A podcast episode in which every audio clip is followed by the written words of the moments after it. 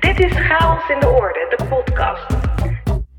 Ik ben Rachel Levy en in deze podcast ga ik ontrafelen hoe we oude patronen kunnen doorbreken en hoe we meesters kunnen worden in creativiteit en innovatie. Als ik je vraag om een moment terug te halen waarop je je creatief voelde, hoe was dat dan? Waaraan merkte je dat je creatief was? In wat voor toestand was je?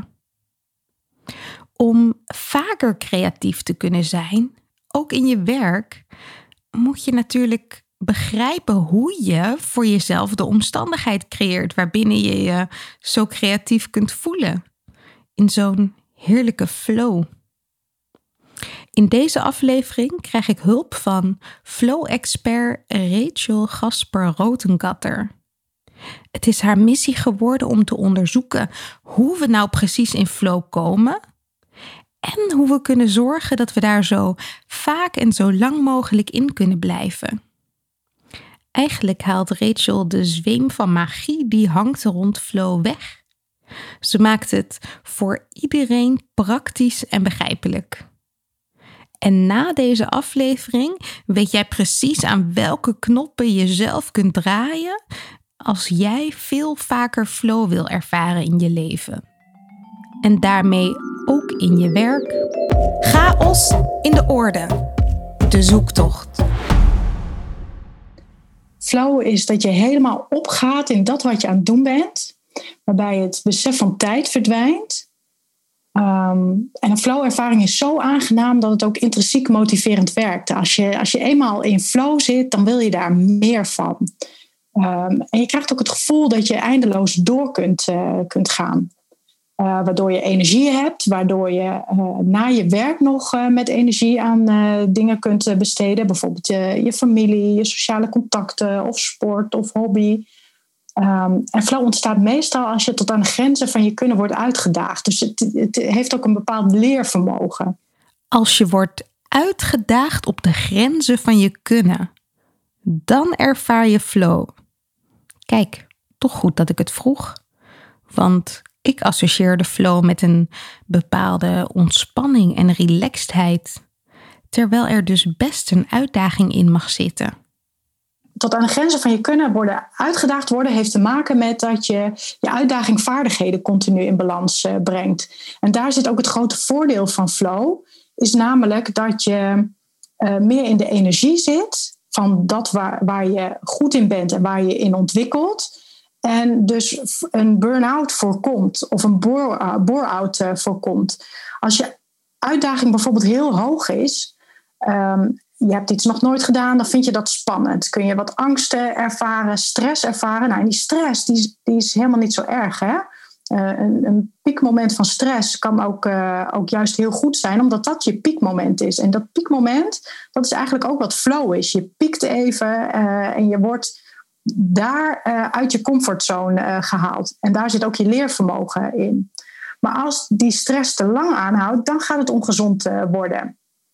En dan kun je, uh, kan dat leiden tot uh, ja, burn-out gerelateerde klachten. Dus het is ook belangrijk dat je af en toe ook weer in je comfortzone duikt na zo'n piekmoment of na zo'n flow-moment. Even weer tot rust komt. Uh, want je brein kan ook niet altijd aanstaan. Je kunt niet altijd continu in flow zitten.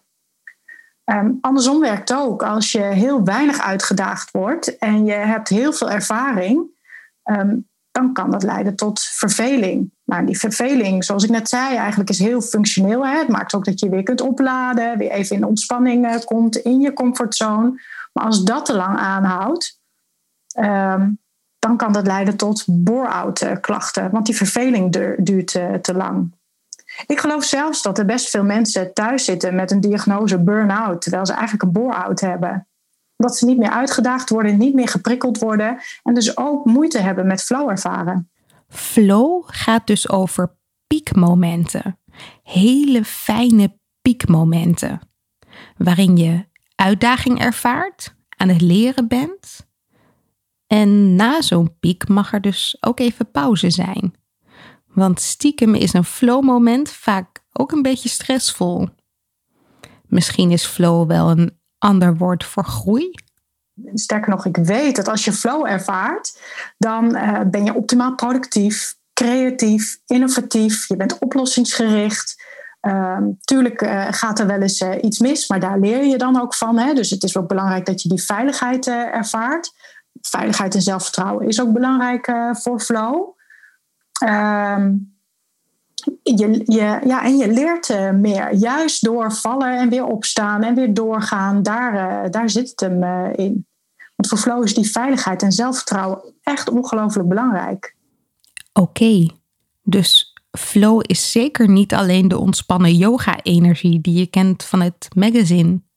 Alleen maar positiviteit en pasteltinten. Dat, dat is in het leven niet altijd zo. En zeker niet uh, als het gaat om flow in werk, waar ik dan onderzoek naar heb uh, gedaan. Ja, dan word je ook wel eens geconfronteerd met andere dingen. Sterker nog, je wordt ook heel erg geconfronteerd met jezelf. Want flow gaat over wie ben ik? Uh, wat wil ik? Wat heb ik te brengen hier op, op deze wereld, in deze maatschappij? Um, en dat kan ook pijn doen. Um, dus het kan best wel zijn dat als je vaker flow wil ervaren, dat je ook naar binnen moet keren en, en goed moet onderzoeken naar wie, wie, wie ben je nou eigenlijk? Groei komt met groeipijn. Flow komt met ongemak. Jezelf in de spiegel kijken wie ben ik en wat is mijn bijdrage? Want als je doet waarvoor je geboren bent, als jij jouw unieke talenten kunt inzetten, als je weet waar je voor staat in het leven, ervaar je vanzelf veel vaker flow. Maar nooit constant. En dat is dus helemaal oké. Toch pleit Rachel voor meer flow. Zeker in organisaties. Tegenwoordig is het steeds makkelijker om een thema als flow op de agenda te zetten. Maar dat was het tot een paar jaar geleden zeker niet. Voordat ik dat onderzoek ging eh, doen voor mijn master, werd het me ook eh, enorm afgeraden. Want het is een heel abstract concept. En hoe wil je dat dan in het bedrijfsleven invoeren? Of, of eh, in HR-strategieën? Maar ik was ervan overtuigd dat ik daarmee meerwaarde kon leveren, omdat juist er grote uitdagingen zijn in deze maatschappij. dat burn-out, beroepsziekte nummer één, uh, toenemende globalisering. Dus willen we kunnen blijven concurreren op wereldniveau, dan moeten we ook optimaal productief en creatief zijn. Dat terwijl we meer moeten doen met minder mensen. Want er is ook sprake van ontgroening en vergrijzing. Dus maar dat, dat abstracte, juist als je kijkt naar de dagelijkse werkpraktijk, is dat helemaal niet zo abstract. Want flow ervaar je als je kunt focussen en concentreren. Als je duidelijke doelen hebt. Uh, als je missie, visie, kernwaarden helder zijn. Loskomen van geconditioneerde patronen. Je talenten benutten. Uh, zelfvertrouwen ontwikkelen. En ook psychologische veiligheid ervaren. En dat zijn eigenlijk allemaal begrippen die ik zo noem. Het zijn een aantal flowfactoren. Die, um, die je eigenlijk in het, in het bedrijfsleven of in, in werk juist heel erg tegenkomt en waar heel erg op getraind en, en op gestimuleerd wordt, heb het alleen nooit gekoppeld aan iets abstracts als flow. Er zijn genoeg organisatieuitdagingen die te maken hebben met een gebrek aan flow. Ook al wordt dat niet altijd zo herkend. Een thema als bevlogenheid wordt bijvoorbeeld veel eerder herkend als noodzakelijk in een organisatie ja, flow klinkt dan misschien toch een beetje zweverig. Het, het werd bijvoorbeeld veel geassocieerd met sporters en muzici en misschien met schilders. En er is ook in die groepen echt onderzoek gedaan naar flow. Met een hele positieve relatie tussen flow en productiviteit. En ik dacht, als flow nou zoveel voordelen heeft, het maakt productiever, innovatiever, creatiever, het leervermogen wordt versterkt, klantgerichtheid gaat uh, omhoog, minder ongewenst personeelsverloop, dan willen we toch juist vaker flow ervaren in ons dagelijkse werk. Want dat lost onze uitdagingen waar we in deze maatschappij voor staan, waar we in Nederland in het bedrijfsleven voor staan, lost dat op. En hoe mooi zou het zijn als we uh, dat kunnen oplossen met iets wat mensen gelukkig maakt en waar je energie van krijgt. Uh, dan brengt het twee dingen bij elkaar. En uh, het welzijn van de mens en het welzijn van de organisatie. Want onderaan de streep blijft er meer winst over. Dus ik heb besloten om daar onderzoek naar uh, te doen. Um, dus wat maakt dat je flow ervaart in je dagelijkse werk? En wat is er voor nodig om, uh, om flow te ervaren? En ik heb dat onderzocht naar wat betekent dat voor de individu en wat betekent dat voor de organisatie. Want beide kunnen daar zelf ook invloed op uitoefenen. Ik ben blij dat Rachel haar onderzoek is gestart. Toch grappig dat we kunstenaars en muzici wel associëren met flow, maar de manier waarop we werken in kantoren niet. Ik denk dat, dat we flow associëren met uh, sporten, uh, thuis, hobby, muzici, wetenschappers. Omdat daar de grote creativiteit in zit, wat we dan voorbij zien komen. En we het op het werk heel erg hebben over productiviteit en presteren. En het lijkt wel alsof die creativiteit en dat spelen en ontdekken en fouten maken, of dat niet in werk thuis hoort. Maar uh, dat doe je maar in je privé-tijd. Net als dagdromen en uit het raam staren. En tegenwoordig weten we dat het zo belangrijk is om je ook te ontfocussen. Uh, om dan de betere prestaties uh, te leveren. Maar ik denk tot voor een aantal jaar geleden was dat helemaal nog niet zo uh, in zwang. Dat zijn, we zijn dat pas gaan realiseren toen burn-out uh, omhoog uh, ging. Toen we optimaal moesten presteren om ook te kunnen concurreren. En omdat we minder mensen hadden om dat mee te doen. Dus we kregen nieuwe uitdagingen. En intussen werd er ook steeds meer onderzocht over focussen en ontfocussen. Dus je merkt dat er steeds meer bekend wordt over wat ons brein doet uh, en wat je nodig hebt om, uh, ja, om ook die optimale prestaties neer te zetten. Er komt steeds meer aandacht voor flow op de werkvloer. Rachel hoeft nu veel minder uit te leggen over het belang van flow. Er is meer onderzoek bekend waaruit blijkt dat de productiviteit omhoog gaat als mensen flow ervaren en dat het ziekteverzuim juist daalt. Flow kon als begrip meeliften op andere concepten waar organisaties in geïnteresseerd raakten.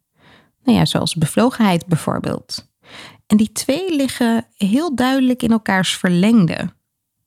Tegenwoordig ehm, is het wat makkelijker om dat te doen. En we hebben natuurlijk al een voorloper. Hè? Het concept bevlogenheid is, was al wat meer bekend binnen organisaties. Daar was al veel enthousiasme over. Maar concepten als bevlogenheid en flow liggen in hetzelfde betekenisgebied. Maar er zijn wel verschillen. Ik vergelijk altijd flow met het weer van vandaag. Daar kom je in of, daar, of, of niet. Je het is een piekmoment, daar ga je in. Dat kan een paar seconden duren, kan minuten duren, uren duren. Maar ergens gedurende de dag ga je er ook weer uit. Uh, bevlogenheid, dat vergelijkt dan met het klimaat. Dat is een wat langere constante. Je kunt maanden bevlogen zijn. En binnen die maanden van bevlogenheid heb je verschillende piekmomenten, dus verschillende flowmomenten. En hoe minder flow je ervaart, hoe meer die bevlogenheid ook uh, uh, zal wegzakken, totdat het zal verdwijnen omdat je al heel lang geen flow meer hebt uh, ervaren. Hoe meer flowmomenten je ervaart, hoe langer je bevlogen kunt zijn in je werk. Toch blijft het een redelijk ontastbaar begrip waardoor het voor organisaties best een stap is om flow te kiezen als speerpunt. Ja, het is ook niet, niet tastbaar. Je, je verdwijnt dus blijkbaar in een bepaalde cocon of zone waarin je buitengewone prestaties neerzet, waarin je creatief bent en waarin je dingen doet waarvan je achteraf erop terugkijkt en denkt: Wauw, heb ik dit gedaan? Het lijkt alsof ik aangestuurd werd of zo. Ineens had ik het concept staan of het verhaal staan. Of ineens had ik dit gemaakt of dit, dit bedacht. Uh, en dat, dat maakt het natuurlijk ook heel abstract en spannend. Je hebt geen flow-knop die je aan of uit kunt zetten. Zo simpel is het niet. Maar je kunt in je eigen leven of in de organisatie waar je werkt wel de omstandigheden creëren waarbinnen je vaker in flow komt. En die omstandigheden, dat zijn wel degelijk een soort knoppen waar je aan kunt draaien. Rachel noemt ze flowfactoren. Het zijn er acht en je kunt ze allemaal beïnvloeden.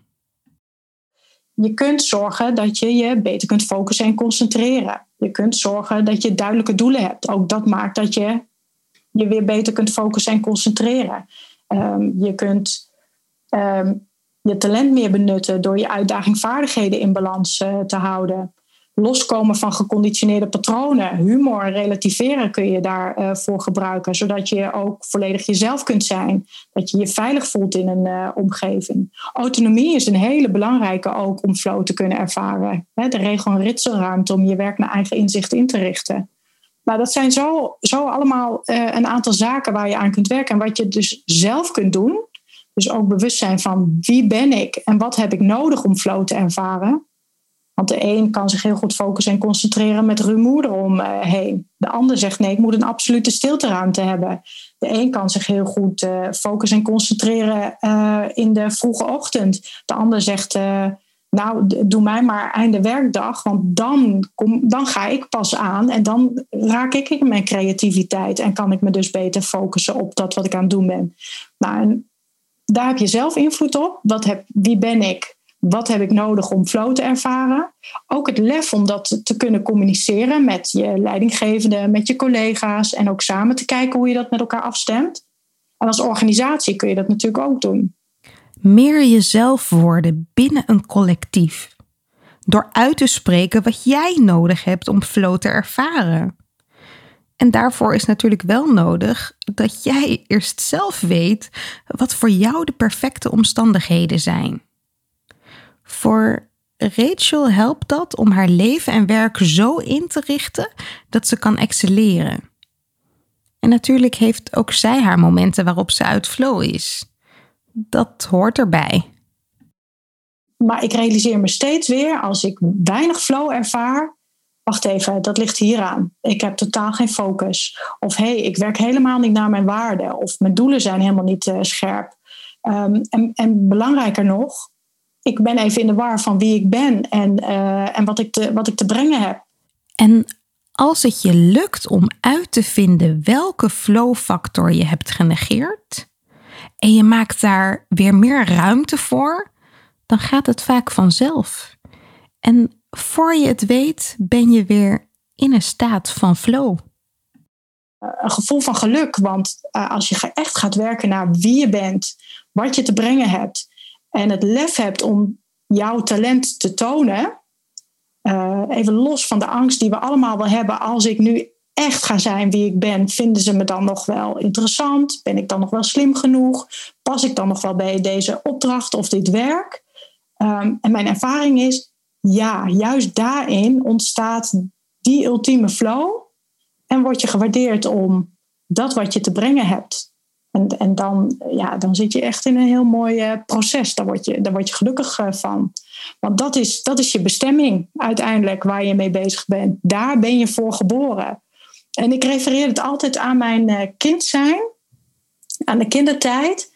Dat als ik het gevoel heb dat ik weer zo kind was, ontspannen, ook in het gras liggen, dromen, creativiteit, dan denk ik, oh ja, nou ben ik even wie ik ben. En elke keer dat te voelen, dat is zo puur. En dan merk ik ook dat de processen lopen en dat de creativiteit stroomt en dat ik andere mensen raak en dat de energie aangaat. Niet alleen bij mij, maar ook bij anderen. En dan zie je dat je werkgever of een opdrachtgever jou juist erkent en aangaat op dat wat jij te brengen hebt. Want anders kiezen ze wel voor iemand anders. En dan is dat ook goed.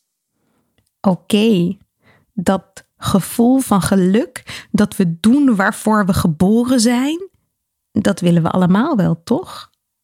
Maar dat gelukzalige, moeiteloze gevoel van flow is dus wel heel persoonlijk. Iedereen heeft andere omstandigheden nodig om in zo'n flow te komen. Maar er zijn dus acht knoppen waar je aan kunt draaien. En door aan die knoppen te draaien kun je ontdekken wat voor jou de perfecte omstandigheden zijn om flow te ervaren. Hier komen ze. Je hebt één factor, is focus en concentratie. Want om helemaal op te gaan in dat wat je op dat moment aan het doen bent, ehm, dan is er ook focus en concentratie nodig. Het gaat namelijk over orde in het bewustzijn. Um, en orde in het bewustzijn kun je creëren door um, nou ja, te richten op één taak met een duidelijke doel, duidelijke doel Uh, sommigen hebben stilteruimte nodig, anderen hebben een uh, ruimte nodig waar wel wat uh, rumoer is om lekker in te cocoonen. We krijgen natuurlijk steeds meer prikkels te verwerken. En als we iets met die, die prikkels en informatie in deze informatiemaatschappij, wat ook een prestatiemaatschappij is, willen doen, dan moeten we al die prikkels en informatie ook kunnen selecteren, begrijpen, ordenen en verwerken. En dan kun je er ook iets effectiefs mee doen. Dan, kun je, dan kan dat ook leiden tot resultaten.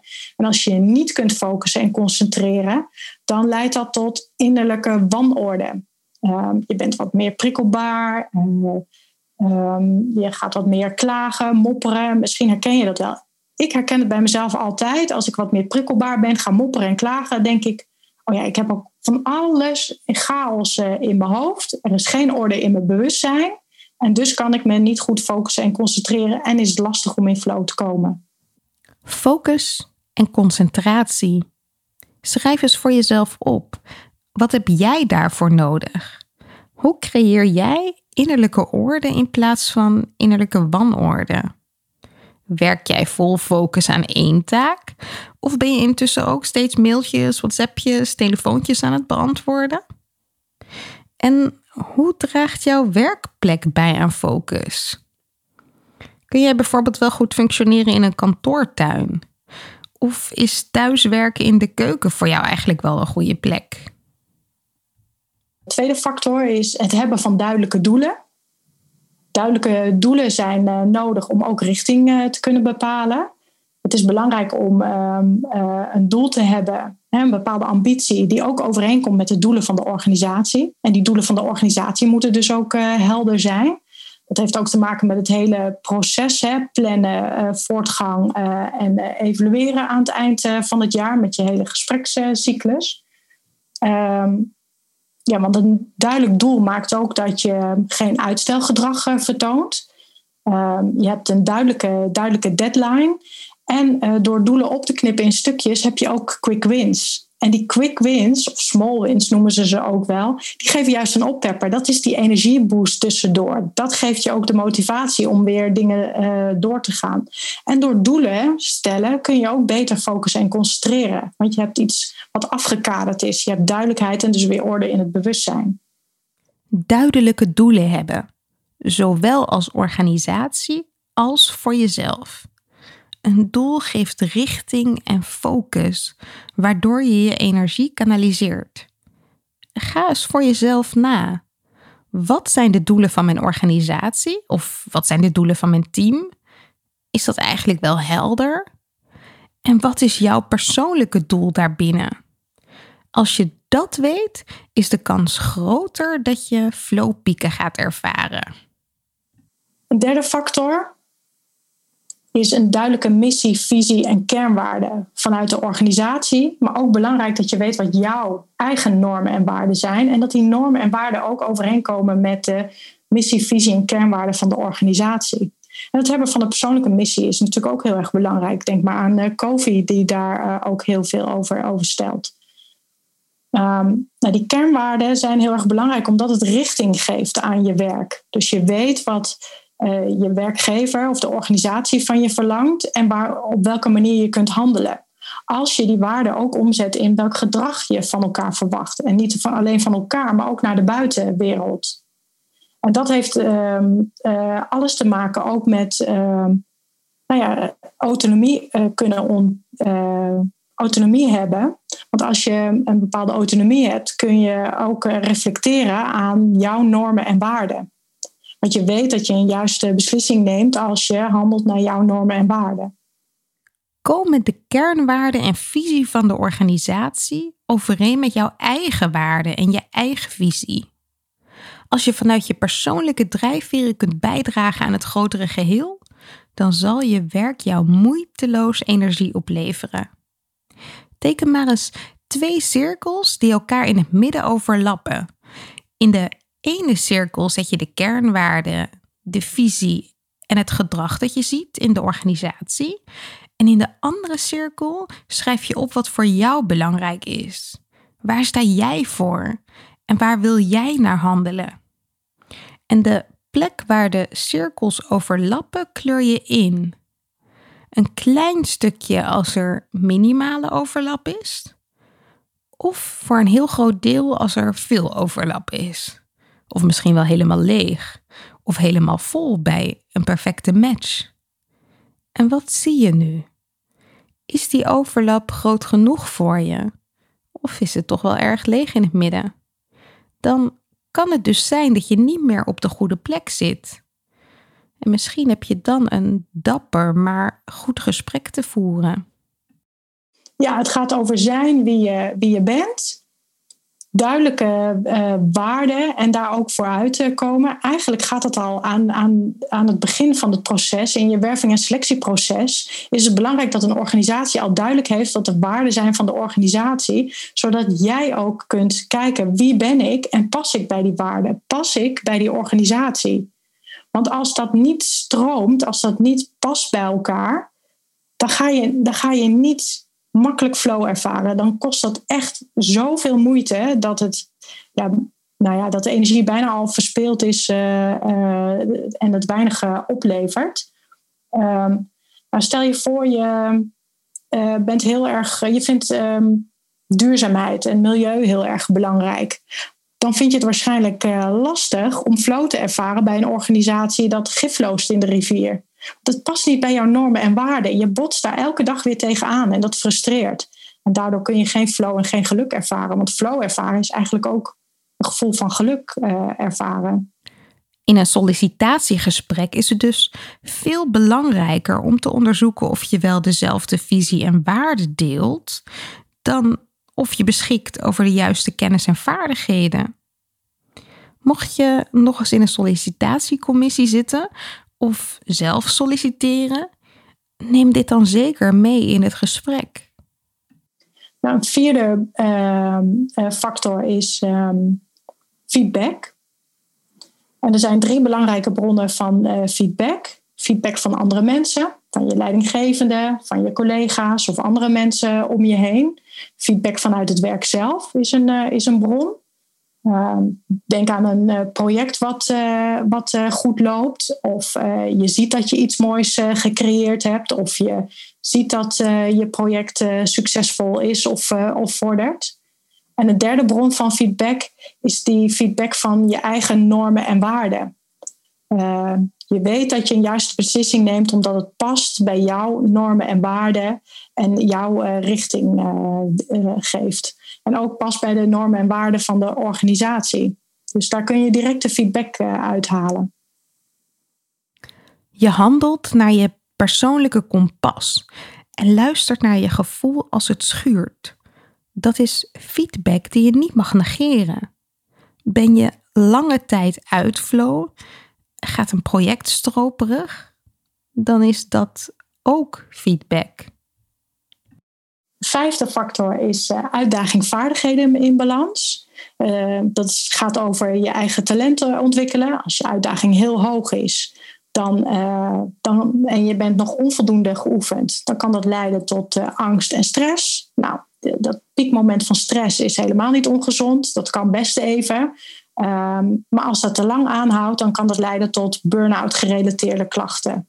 Dus het is belangrijk dat je na een piekmoment uh, of na een moment van stress, maar ook na een, uh, een flow moment ook wel weer even terugkomt. Um, ik zie altijd een hangmat vormen, dat je ook weer even in die ontspanningsmodus komt in je comfortzone. Um, om weer even, even nou ja, daar je rol in te vinden. Um, en andersom werkt ook. Als je uh, weinig uitgedaagd wordt, maar je bent wel heel ver ontwikkeld, dan leidt dat tot verveling. Nou, die verveling is heel goed om even tot rust eh, te komen. Als dat te lang aanhoudt, dan kan dat leiden tot bore-out gerelateerde klachten. Je talenten en uitdagingen moeten dus met elkaar in balans zijn. Voel je nu dat het schuurt? Ga dan eens na of je te veel wordt uitgedaagd of juist te weinig. Misschien verveel je je wel in je werk. Een zesde factor is autonomie. Autonomie gaat over uh, je werk naar eigen inzicht kunnen inrichten, regel- en ritselruimte hebben. Of het nou gaat om uh, werktijden of uh, de manier waarop je je werk inricht. Het gaat ook over verantwoordelijkheid en initiatief nemen, want dat, dat hangt natuurlijk met elkaar samen. Als je autonomie krijgt, dan betekent dat ook dat je een bepaalde verantwoordelijkheid hebt. Dus dat betekent dat misschien wel het doel in, duidelijk is, maar dat de manier om dat doel te bereiken, dat je dat op je eigen manier kunt doen. Nou, bij die vorm uh, autonomie krijgen hoort ook een, uh, een type leiderschap. Ik geef dat altijd aan als transformationeel leiderschap. Uh, en transformationeel leiderschap gaat ervan uit dat je meer uit mensen kunt halen door ze te inspireren, ze de ruimte en het vertrouwen te geven. Maar de mate van ruimte die een mens wil hebben of nodig heeft, dat kan voor iedereen anders zijn. Dus dat betekent als manager dat je dat je, daar ook op afstemt. Wat heeft de ene persoon nodig? Wat heeft de andere persoon nodig? Uh, en, en die ander. Het kan best zijn uh, dat er grote verschillen zijn tussen iemand uh, die heel junior is, medior is of senior is. De een die, die vaart heel wel bij heel veel autonomie en die fladdert door en die komt tot hoge prestaties, is optimaal creatief. En de ander heeft daar toch wat andere ondersteuning bij nodig. Dat betekent als manager ook meer loslaten. Krijg je nu te veel ruimte? Ben je aan het zwemmen? Of krijg je te weinig ruimte? En voel je dat je wordt beknot in je creativiteit en de inbreng die je kunt hebben? Heb je misschien iets anders nodig? Vind het lef in jezelf en spreek je uit. Dat is de enige manier om de juiste hoeveelheid autonomie en ondersteuning te krijgen. De zevende factor de zevende factor gaat over ehm, ehm, zelfvertrouwen en psychologische veiligheid. Want uh, als je volledig jezelf kunt zijn, dan kun je flow ervaren. Maar dat volledig jezelf zijn uh, en elkaar ook uh, ja, kunnen aanspreken op dingen, elkaar feedback geven, uh, goede ruimte creëren. Dat heeft ook alles te maken met een veilige omgeving. Kun je volledig jezelf zijn? Ben je hetzelfde op je werk als dat je thuis bent? Heel vaak zeggen mensen, nou, daar zit toch echt wel een verschil in. Um, ja, waarom eigenlijk? Want het gaat ook vooral over zijn uh, wie je bent en uh, daarin erkend uh, en gewaardeerd worden. Um, als je heel veel zelfvertrouwen hebt, dan voel je je eerder veilig in een omgeving. Um, en andersom werkt ook. Als je um, een veilige omgeving creëert, kun je daar ook meer zelfvertrouwen in ontwikkelen. Dus dat gaat ook uh, heel erg uh, samen met elkaar. Ben jij op je werk wie je thuis ook bent? En als dat niet zo is, wat zijn dan de verschillen? Heb je wel eens het gevoel dat je ochtends bij de voordeur een belangrijk deel van jezelf achter moet laten? Ga dan eens na hoe dat komt te weinig zelfvertrouwen of te weinig veiligheid misschien om echt jezelf te zijn. En de laatste factor is uh, loskomen van geconditioneerde patronen en belemmerende overtuigingen. We worden allemaal geboren met ons eigen unieke talent, maar we worden ook geconditioneerd. En dat gebeurt eigenlijk al in uh, de opvoeding, dat gebeurt op school, dat gebeurt op je werk. Um, en dan door die conditionering, door ons te gedragen naar wat we denken wat van ons verwacht wordt, of wat misschien wel van ons verwacht wordt, komen we ook steeds verder af te staan van ons eigen unieke talent. Stel, je bent heel creatief, uh, maar je wordt steeds afgewezen op uh, bepaalde dingen die, uh, die jij nou ja, niet goed zou doen. Ik noem maar wat, eh, clean desk policy of eh, aan bepaalde deadlines eh, houden. Dingen die gewoon schuren met jouw manier van creativiteit. Dan kan het maar zo zijn dat je op den duur je gaat vormen naar wat van je verwacht wordt. Ehm, en dat je dus steeds meer creativiteit los gaat laten, omdat je in die patronen gaat zitten die eigenlijk niet van jou zijn, die niet jouw unieke talent zijn. En dat heeft ook te maken met belemmerende overtuigingen. Hè, perfectionisme. Ik moet alles in één keer goed uh, doen. Um, of um, uh, ik mag geen fouten maken. Of als ik dit niet goed doe, dan, dan, uh, dan doe ik er niet toe. En die belemmerende overtuigingen, die weer, weerhouden ons ervan om ook echt onszelf te zijn. Dat zijn dingen die we dagelijks dus tegen onszelf zeggen. En we hebben geloof ik zo'n 60 tot 80.000 gedachten per dag. Soms hoor ik ook wel meer. En zo'n 80% daarvan is negatief. En dat zijn dus dingen die we continu uh, tegen onszelf uh, uh, herhalen. En ons brein die reageert daarop. Dat zijn synapsen die met elkaar connecten. En alles wat we te tegen onszelf zeggen, dat wordt dan een soort patroon. iemand zei ooit eens, dat is eerst een zandweg. En dat wordt dan een verharde weg. En vervolgens een snelweg, een vierbaansweg. Dus dat wordt dat wordt steeds eh, verder ingesleten. Nou, de enige manier om van dat patroon en die geconnecte synapsen, die negatieve uh, gedachten los te komen, is om dus elke dag die belemmerende overtuiging om te zetten naar een, een helpende overtuiging, een helpende gedachte. Dus de positieve kant daar tegenover zetten dan maakt het dat je, weer een, dat je synapsen weer opnieuw gaan, of andere synapsen met elkaar gaan connecten. Dat wordt weer een zandweggetje, een uh, verharde weg, snelweg enzovoort. En als dat steeds meer gebruikt wordt, dan gaan die andere synapsen gaan vanzelf loslaten, uh, want dat wordt niet meer, uh, dat wordt niet meer gebruikt. Um, en dan heb je eigenlijk alles een soort van vernieuwd. En dan heb je dus ook je, geconditioneerde patronen daarin losgelaten. Dus die, die horen heel dicht, uh, dicht, dicht bij elkaar. En de manier waarop je dat kunt doen is door humor en relativeringsvermogen. Dat vormen naar wat van je verwacht wordt. Gaat daar niet deze hele podcast over? Oh, we hebben zoveel geleerd over hoe we ons moeten gedragen, hoe we horen te werken, dat we eigenlijk niet meer in contact staan met onszelf met onze verlangens en talenten. Voor mij was dit echt de grootste omslag in mijn loopbaan. Toen ik mezelf steeds meer in het centrum ging zetten van mijn baan. En, en daarmee bedoel ik um, doen wat mij energie gaf. Op een manier waarin ik creativiteit ervaarde. En ook creatief kon werken met de mensen om me heen. Toen werd het steeds leuker en makkelijker. En het bevestigde me ook dat alles wat ik had geleerd over professioneel gedrag niet klopte. Want ik werd nog steeds serieus genomen. En misschien zelfs serieuzer. Want iemand die authentiek is, heeft een enorme aantrekkingskracht. Echt. Jij kunt bijdragen aan een cultuur van flow door in de eerste plaats jezelf te waarderen, door jezelf positief toe te spreken en dingen uit te proberen die jouw energie geven. Maar het helpt ook als jij de mensen om je heen weet te waarderen en positief toespreekt. Wist je dat mensen in organisaties 90% kritische feedback krijgen en 10% positieve? En dat die kritische feedback ook nog eens veel langer blijft hangen? Daarom is het extra belangrijk dat jij daarin een rolmodel bent. En onafhankelijk wordt van de complimenten of kritiek van anderen. Ja, een cultuur van waardering en complimenten uh, kan daar wel heel erg bij helpen. Hè? Want het creëert ook de veiligheid om meer zelfvertrouwen te ontwikkelen. Maar als je vervolgens zo vol belemmerende overtuigingen zit, dat je die complimenten niet eens hoort of niet uh, durft aan te nemen of kan aannemen, dan blijf je dus dat negatieve tegen jezelf uh, zeggen.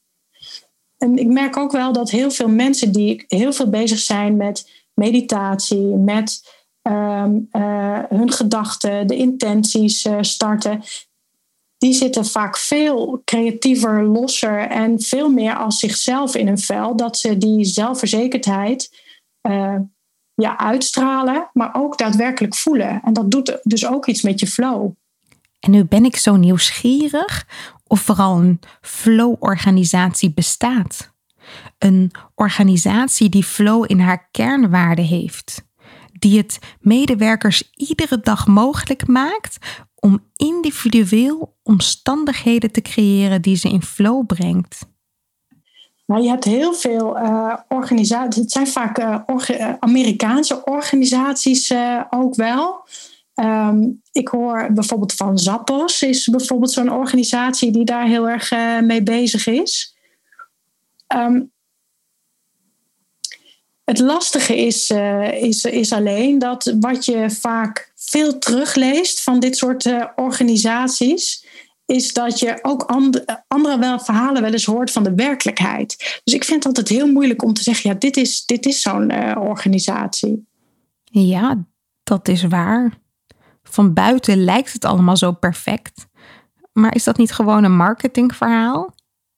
En met zoveel verschillende medewerkers vraag ik me af of je het ooit 100% goed kunt doen.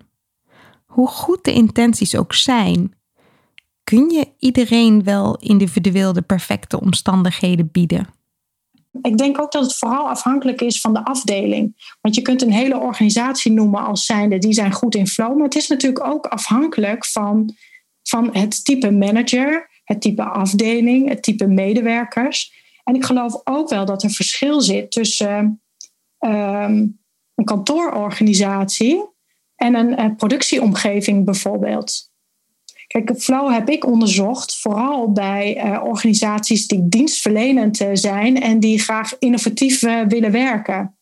Ik heb dat niet zozeer onderzocht bij um, nou ja, een, een productielocatie. Wat niet wil zeggen dat daar geen flow ervaren kan worden. Integendeel zelfs, dat kan ook, maar dat vraagt iets anders. Um, toen ik onderzoek deed, toen zei mijn, um, mijn thesisbegeleider, die zei ja, Rachel, maar het, het kan gewoon niet zijn dat flow overal goed is of dat iedereen flow kan ervaren. Ik was overtuigd van wel. Ook een stratenmaker kan flow uh, ervaren. Ook al eh, doet hij misschien in onze ogen elke dag hetzelfde, die tegels erin leggen. Sterker nog, ik heb het aan een stratenmaker gevraagd. Van, van als dit flow is, ervaar je dat dan? En hoe doe je dat dan? Ja, zei, zei hij, dat ervaar ik zeker. En ik creëer dat door elke keer weer anders te doen. Mijn uitdaging is elke keer anders. De ene keer kies ik ervoor om zo snel mogelijk die tegels er goed uh, uh, strak in te krijgen. De andere keer wil ik met diezelfde tegels helemaal precies uitkomen. Dan wil ik weer een bepaald patroon uh, leggen. Dus die uitdagingen en vaardigheden continu in balans brengen. Steeds weer een nieuwe uitdaging kijken of dat lukt, een bepaald doel hebben, je daarop focussen uh, en ook die feedback halen uit het resultaat of uit je werk zelf. Daar, daar heeft hij uh, flow mee uh, ervaren en dat kan hij dus ook zelf stimuleren. Ik geloof ook dat als je in een fabriek werkt, um, een verfabriek bijvoorbeeld, en je moet tubes vullen en inpakken, dan kun je dat ook op verschillende manieren doen om te kijken hoe kun je, kan het efficiënter, hoe kan het leuker, hoe maar dan heb je wel autonomie nodig. Zonder autonomie, zonder die ruimte om te kijken hoe kan ik dit bewegen, hoe kan ik mijn uitdaging, vaardigheden in balans brengen, is dat heel lastig.